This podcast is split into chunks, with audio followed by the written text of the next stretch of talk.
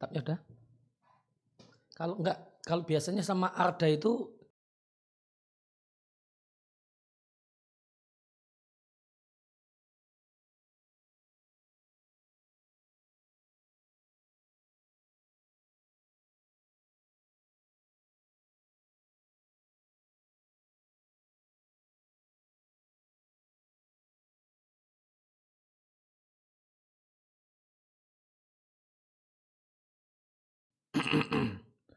Alhamdulillah wassalatu wassalamu ala rasulillah wa ala alihi wa sahbihi wa man tabi'ahum bi ihsanin ila yaumidin amma ba'd kaum muslimin dan muslimah rahimani wa rahimakumullah ya. kembali kita lanjutkan kajian tentang uh, seni interaksi suami istri kita akan mulai pembahasan tentang hadis Ummu Zara' yaitu cerita panjang Ibunda Aisyah radhiallahu taala anha yang disimak dengan seksama dengan penuh perhatian oleh suaminya dan Nabi kita Muhammad sallallahu alaihi wasallam. Dia menceritakan adanya sebelas perempuan yang berkumpul kemudian cerita belak-belakan tentang suaminya masing-masing. Kita mulai dari istri pertama atau wanita pertama maka kita jumpai di sini ada 11 tipe suami. Dan apakah tipe suami itu hanya terbatas 11 ini? Ya, jawabannya tidak. Ada tipe-tipe yang lain, namun di antara tipe laki-laki dan tipe suami adalah 11 tipe yang ada dalam hadis ini. Qalatil ula wanita pertama bercerita Zauji suamiku itu lahmu jamalin seperti daging unta Rashin Rasin maknanya di catatan kaki kurus, kurus dan lemah. Ala ra'si jabalin. Yang ada di puncak gunung. Di catatan kaki dalam riat yang lain ala ra'si jabalin wa'rin. Di puncak gunung yang sulit didaki. La sahlin tidak mudah. Catatan kaki tiga. Al jabal laisa bisahlin. Gunung tersebut bukanlah gunung yang mudah. Wal makna anna su'udahu syakun li wu'uratihi. Li wu'uratihi artinya naik ke puncak gunung tersebut satu hal yang sulit. Li wu'uratihi ya karena memang sulit didaki. Ya bukan Ya, satu hal yang mudah untuk didaki. Fayurtaqa ay yus'adu alaihi. Sehingga bisa naik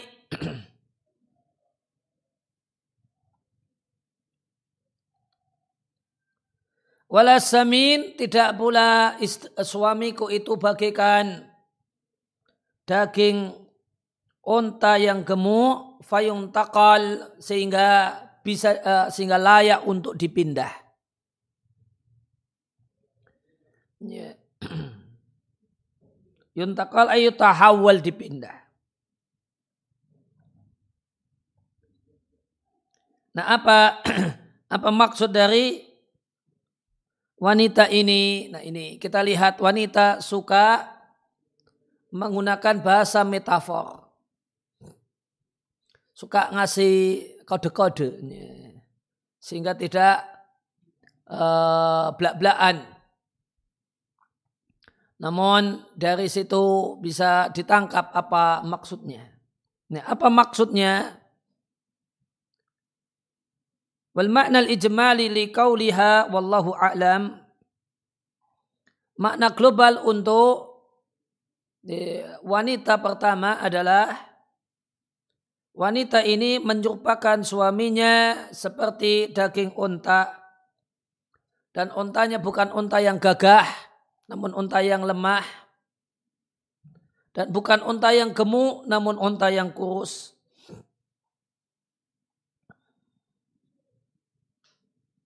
dan daging ini meskipun dia daging unta yang loyo dan kurus. Fawa maudu'un. Namun ternyata dia terletak di puncak gunung yang sulit untuk digapai. Sulit untuk didaki. Yas'ubu as-su'udu ilaihi. Naik ke sana satu hal yang sulit.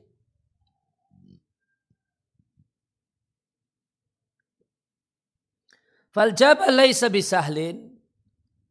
Maka gunung itu bukalah sahal, bukalah mudah lil irtiqa untuk dinaiki. Dan setelah orang susah payah seandainya orang bersusah payah menaiki gunung tersebut, ternyata dagingnya laisa bisaminin. Bukan daging yang gemuk. Yang kalau itu daging itu gemuk, berat, banyak, maka berhak ya, berhak, eh, daging tersebut berhak untuk mukabadatil masyaki. Orang berjuang untuk melawan kesusahan dalam rangka mendapatkannya.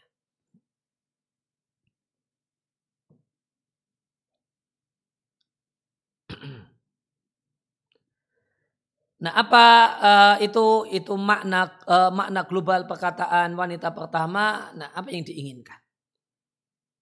Ya, terjemah dengan maksud tentu berbeda. Terjemahnya itu nah, maksudnya apa? Watanzilu hada penerapan kalimat metafor ini ala zauji untuk si suami adalah sebagai berikut. Dia celah suaminya dia katakan suaminya seperti daging unta, bukan seperti daging domba yang enak.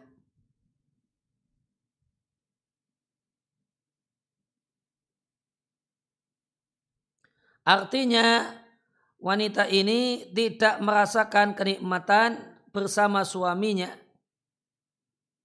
Dalikal istimta'al madlubah satu kenikmatan yang diharapkan dan dicari oleh normalnya seorang istri dari suaminya.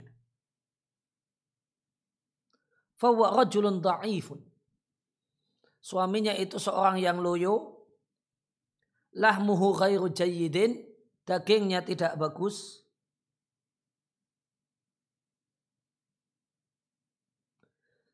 Seakan-akan wanita ini mendeskripsikan mudoja'atahu laha. Bagaimana mendeskripsikan bagaimana suaminya ini menyetubuhinya. Ya, menidurinya, mudoja'ah itu tidur. Menidurinya dalam artian menyetubuhinya. Ta'ni wanita ini memaksudkan bahasanya aku jika mencari kesenangan darinya bisain dengan sesuatu Faka'ani maka seakan-akan aku memakan daging unta yang itu adalah unta yang kurus. Wawa dan unta itu di samping kondisi ini yaitu kurus, wa'ad da'af dan loyo, khulukuhu sayyid akhlaknya buruk. Akhlaknya buruk. Sehingga tidak ada satupun yang mengetahui bagaimanakah cara yang tepat ngobrol bersamanya. Dan bagaimanakah cara yang pas ya takhotobu ma'ahu supaya bisa asik berbincang bersamanya. Dan bagaimanakah cara supaya tidaklah sampai kepadanya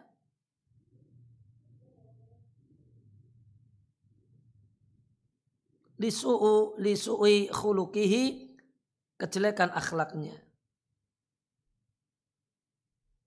Wa hatta idza wasalat ilaihi. Dan bagaimanakah cara supaya yasilu ilaihi? Bisa sampai kepadanya. Bisa bersama dengannya. Karena jeleknya akhlaknya. Maka tidak diketahui cara ngobrol yang enak yang renyah cara ngobrol yang asik, kemudian ya, bagaimanakah supaya bisa bersama dengannya, itu caranya nggak diketahui. Karena jeleknya akhlaknya. Wahata dan sampai-sampai. Ida wasolat ilaihi. Jika wanita ini, si istri ini bisa sampai kepadanya, bisa membersamainya ba'da mukabata, mukabadati al-masyaqqa pada mukabadatihi tiha harusnya. Atau uh, wa hatta idza wasultu ilaihi sampai jika aku bisa sam, uh, jika aku bisa sampai kepadanya bersamanya setelah aku berjuang melawan kesulitan. Famada asaya. Maka apa yang boleh jadi bisa aku dapatkan darinya. Innani ba'da hadal jahdi lil wusuli maka sesungguhnya aku setelah aku mendapatkan susah payah supaya bisa bersama dengannya, ternyata aku tidak mendapatkan sesuatu pun yang berhak dan layak aku ambil darinya dan aku pindah serta kemudian aku menikmatinya wallahu a'lam. Ini ya, ini uh, tipe suami yang pertama. Ada suami yang ya, berhubungan badan dengannya itu satu hal yang tidak nikmat. Rasanya cuma seperti rasa daging unta yang untanya adalah unta yang kurus, unta yang luyu. Bukan daging yang gemuk yang enak. Dan tadi disampaikan bukan seperti daging domba yang enak. Ya, maka budaya uh, orang Arab terutama di masa Nabi ya, daging yang populer ya, enak itu daging daging kambing terutama domba. Itu yang jadi daging yang jadi kegemaran. Maka daging yang enak itu deskripsinya adalah daging kambing atau daging domba. Nah ini daging yang tidak enak, daging unta, untanya saja unta yang tidak berkelas. Ini gambaran kenikmatan hubungan badan dengannya. Maka suami ini tidak bisa memberikan kenikmatan hubungan biologis dengan istrinya. Istrinya tidak mendapatkan ya yang didapatkan kenikmatan yang didapatkan ya dari hubungan biologis itu seakan-akan tidak ada. Nih, dapatnya boleh jadi nyeri, dapatnya boleh jadi tersiksa, nih, atau semacam itu. Suami ini tidak bisa memberikan kepuasan. Mungkin tidak ada nih, pemanasan ketika berhubungan. Kemudian eh, berhubungannya pun belum apa-apa. Suaminya sudah selesai padahal istrinya belum apa-apa. Tidak ada kenikmatan yang ya, yang didapatkan. Ataupun kemudian istri diperlakukan dengan kasar. Sehingga tidak ada kenikmatan yang dirasakan. Maka gambarannya seperti makan daging unta yang tidak enak. Ya, tidak mendapatkan kenikmatan. Kemudian di sisi yang lain, di sisi kehidupan yang lainnya, yang non hubungan biologis, maka dia diperumpamakan seperti gunung. Nah, seperti gunung yang mendaki ke sana sulit. Susah payah. Dan harus ada perjuangan berat. Harus banyak mengalah. Harus banyak bersusah payah. Mengalah, merendah, penuh adab, penuh akhlak mulia. Banyak kesusahan yang didapatkan. Namun setelah berhasil sampai puncak gunung, ternyata yang didapatkan cuma daging yang yang tidak berkualitas tadi, yang tidak enak tadi. Maka tadi dijelaskan, ini adalah tipe suami yang tidak enak dijak ngobrol. Dia tipe suami yang asik dengan dirinya sendiri dan tidak peduli dengan istri. Asik dengan hobinya mancing, asik dengan hobinya uh, futsal, asik dengan dengan hobinya gamenya, asik dengan dengan jajetnya. Tidak ada waktu untuk bersama dengan istri pulang, ya sibuk dengan hal itu. Tidak pernah ada duduk bareng, makan bareng, ini, atau kemudian ada suasana santai. Tidak ada demikian. Ini. Maka tadi disampaikan, istri ini tidak sampai kebingungan gimana supaya bisa ngobrol asik dengan suaminya. Gimana supaya suaminya ya, itu meninggalkan gamenya, meninggalkan jajetnya, kemudian bisa asik-asik dengan istri itu tidak tahu caranya. Sudah mengharap-harap, sudah meminta dengan uh, sudah mengiba-iba, sudah berupaya ini dan itu, tetap saja yang keluar kata-kata yang ketus, uh, ucapan-ucapan yang kasar, cacian, marah-marah, karena dianggap mengganggu keasikannya.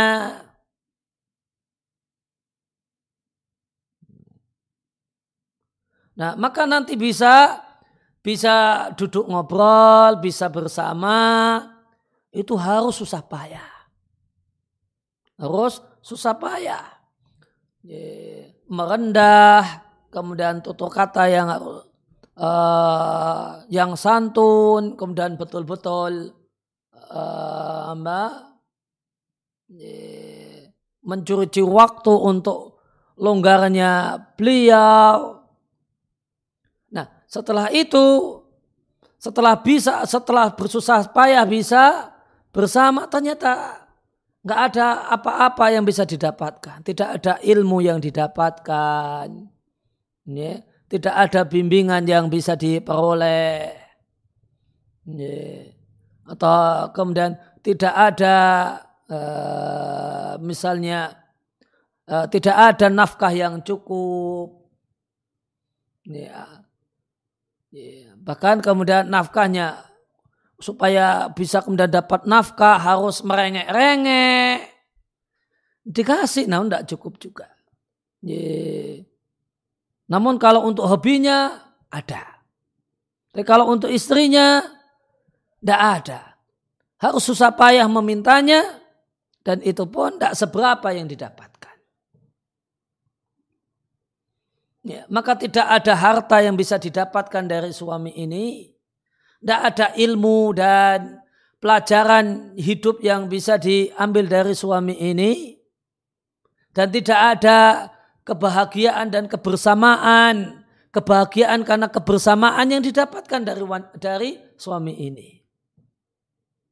Ini ya, tipe suami yang pertama.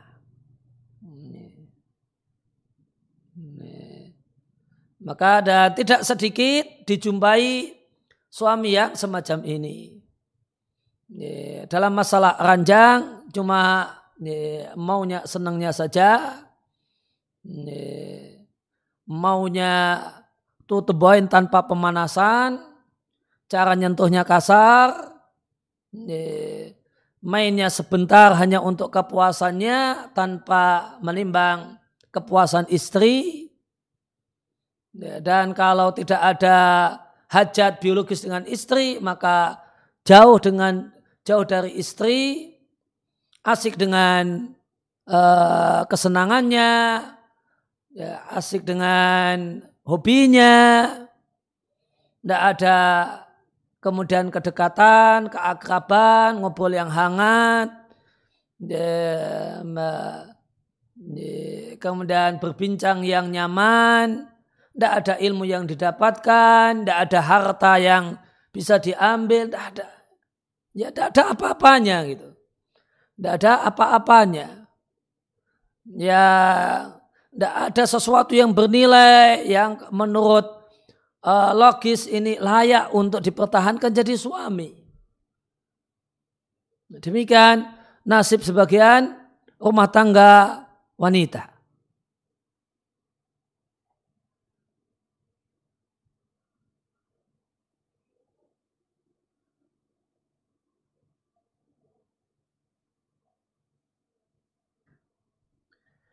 Ya, kemudian suami tipe yang kedua.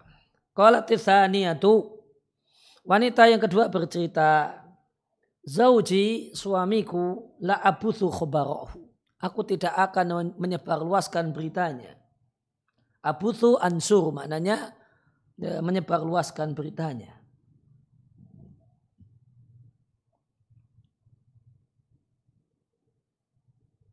Ini akhafu kan aku khawatir an la adharahu aku tidak akan uh, meninggalkan berita tentangnya. Artinya adhuruhu ay atukuhu aku tinggalkan. Artinya aku tinggalkan beritanya. Aku khawatir kalau cerita ceritanya panjang nanti semua tentangnya akan saya ceritakan.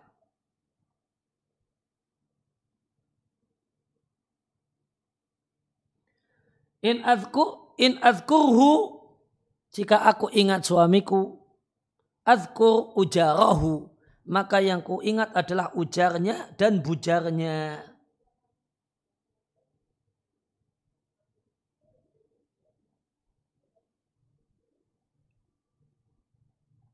Ini apa makna ujar dan bujar? Nah, ujar dan bujar, al-ujar artinya adalah al-uruq. Artinya adalah otot, wal akshab dan saraf yang menggelembung dan nampak jelas di wajah. Dan nampak jelas di badan saat marah atau saat menyombongkan diri. Sedangkan bujar, ya, maka kalau tadi ujar itu ini pembuluh darah di, di wajah yang membesar saat marah. Nah, kalau bujar itu semacam itu, yaitu pembuluh darah illa annaha mukhtasatun bil batni. Namun itu pembuluh darah yang ada di perut.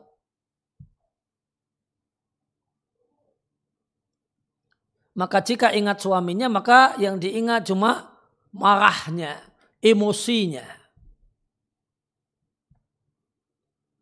Makna global, maka ada dua kalimat ya. Dua kalimat yang disampaikan oleh wanita ini. Dia tidak mau cerita, karena kalau cerita nanti cerita semuanya nanti nggak akan ada habisnya. Kemudian eh, singkat ceritanya kalau dia ingat suaminya yang dia ingat cuma marah-marahnya saja. Wal makna ijmali, makna global, wallahu a'lam. Wanita yang kedua ini mengisyaratkan bahwasanya suaminya itu penuh dengan kejelekan.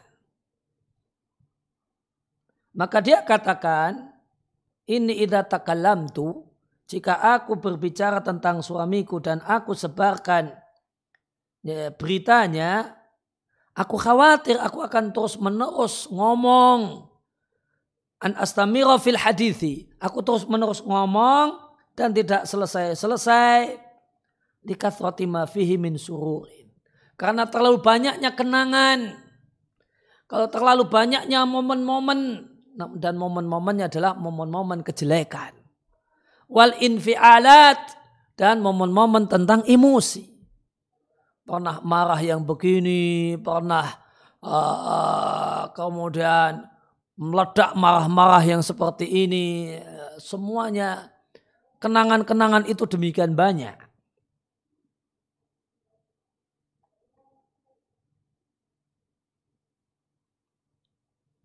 Wa mata dan apa yang aku ingat dari suamiku maka jika aku ingat sesuatu dari suamiku maka yang aku ingat-ingat adalah al-uqad al-mawjudah.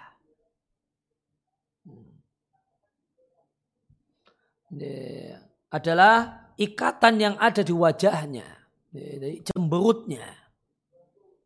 Sehingga wajahnya berlipat dan terikat. Wal intifakh dan membesarnya audat, pembuluh-pembuluh darahnya. Wal nutu' dan tonjolan yang sangat nampak di urat atau pembuluh darah perut dan badannya.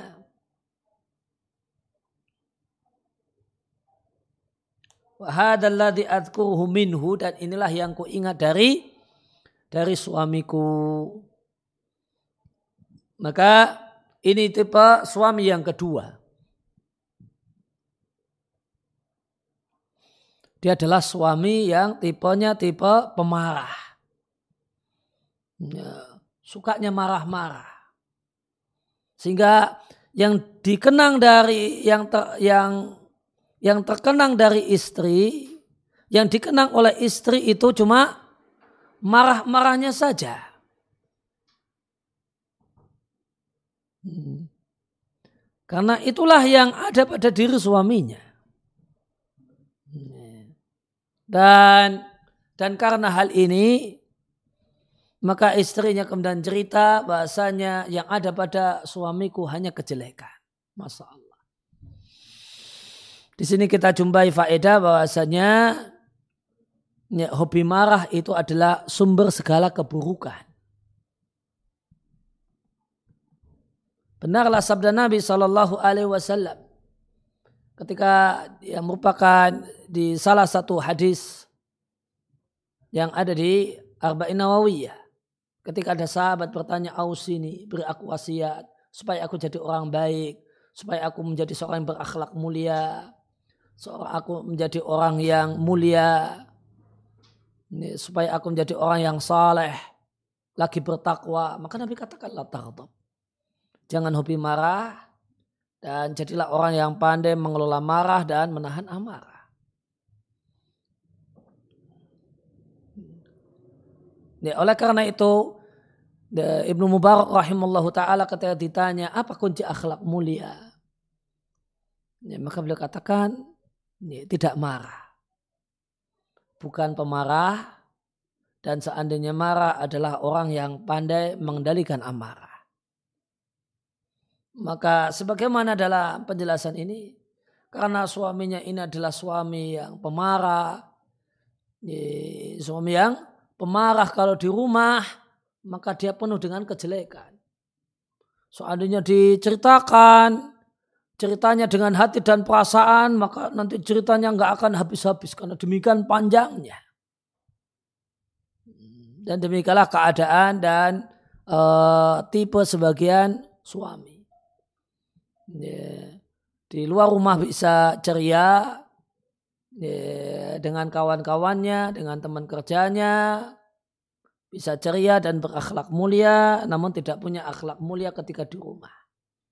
Dan kata kuncinya adalah di rumah ya, hobi marah-marah. Ya, semuanya hal-hal yang kecil responnya marah. Responnya suara tinggi. Responnya teriakan. Responnya mukul. Gebrak meja. Banting ya, meja. Banting ini dan itu. Dan ketika marah, maka satu yang remeh responnya marah besar. Marah besar itu ya, sehingga pembuluh darah pada membesar semua.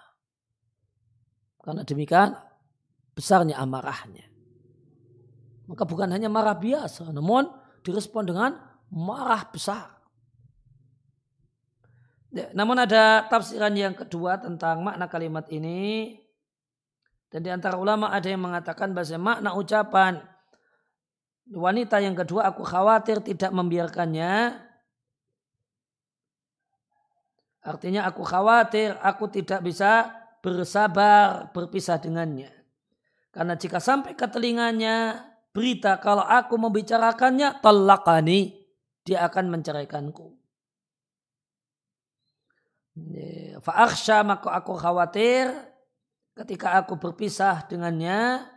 Ya aku khawatir menderita karena berpisah lebih menderita dikarenakan berpisah dengannya.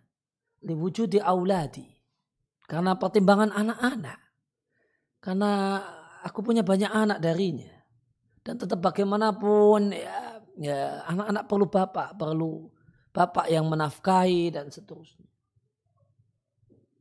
Wa ala qatibi ya dan aku masih tetap ada rasa suka dengannya. Ya, meskipun di sisi yang lain ya, ya, ya di sisi yang lain nggak nyaman karena karakternya yang suka marah-marah. Ya, maka demikianlah uh, keadaan sebagian wanita ya, karena uh, yang dia mempertahankan rumah tangga semata-mata gara-gara anak. Ya, sebagaimana sebagian laki-laki, sebagian suami juga demikian. Mempertahankan rumah tangga ya, karena karena anak. Ya, sehingga dengan segala kejelekan ya sehingga wanita ini dengan segala kejelekan suaminya, dia tetap ada rasa dengan suaminya karena suaminya ini adalah bapak dari anak-anaknya. Adapun yang lainnya sebenarnya sudah tidak ada rasa. Tapi karena itu saja. Ya, maka demikian juga sebagian suami yang sudah punya dia pertahankan rumah tangga, dia tidak ceraikan istrinya karena dia punya banyak anak darinya. Dan karena akhlak yang buruk dari istri ini sebenarnya dia sudah ada rasa.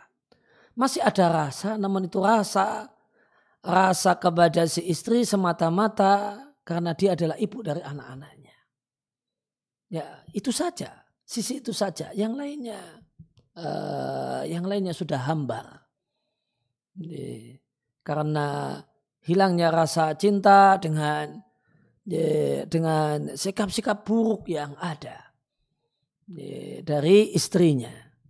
Maka demikian juga uh, sikap sebagian istri yang dia tetap mempertahankan rumah tangga meskipun demikian banyak keburukan suaminya gara-gara suaminya adalah seorang yang temperamen, seorang pemarah, seorang yang ketika di rumah isinya cuma marah-marah, isinya cuma ngomel-ngomel, bahkan lebih ngomel daripada umumnya wanita. Tetap dipertahankan. Kenapa? Karena ada ala kotibihi. Tetap ada rasa. Masih ada rasa yang tersisa. Rasa itu rasa apa? Rasa bahasanya lelaki ini adalah ayah dari anak-anaknya. Yang lainnya sebenarnya sudah hambar. Ya, yang lainnya sebenarnya sudah hambar. Dan keadaan yang kurang lebih semisal dijumpai juga pada sebagian suami. Ya, dari dua dua versi tafsiran untuk kalimat yang disampaikan oleh istri yang kedua ini wal awwalu aula. Tafsiran yang pertama itu yang lebih baik wallahu a'lam. Demikian ya, yang kita ya, pelajari di kita kaji kesempatan kali ini wasallallahu ala nabiyina Muhammadin wa ala alihi wa sahbihi wasallam wa akhda'ana alhamdulillahi rabbil alamin. Subhanakallahumma wa bihamdika asyhadu an la ilaha illa anta astaghfiruka wa atubu ilaik.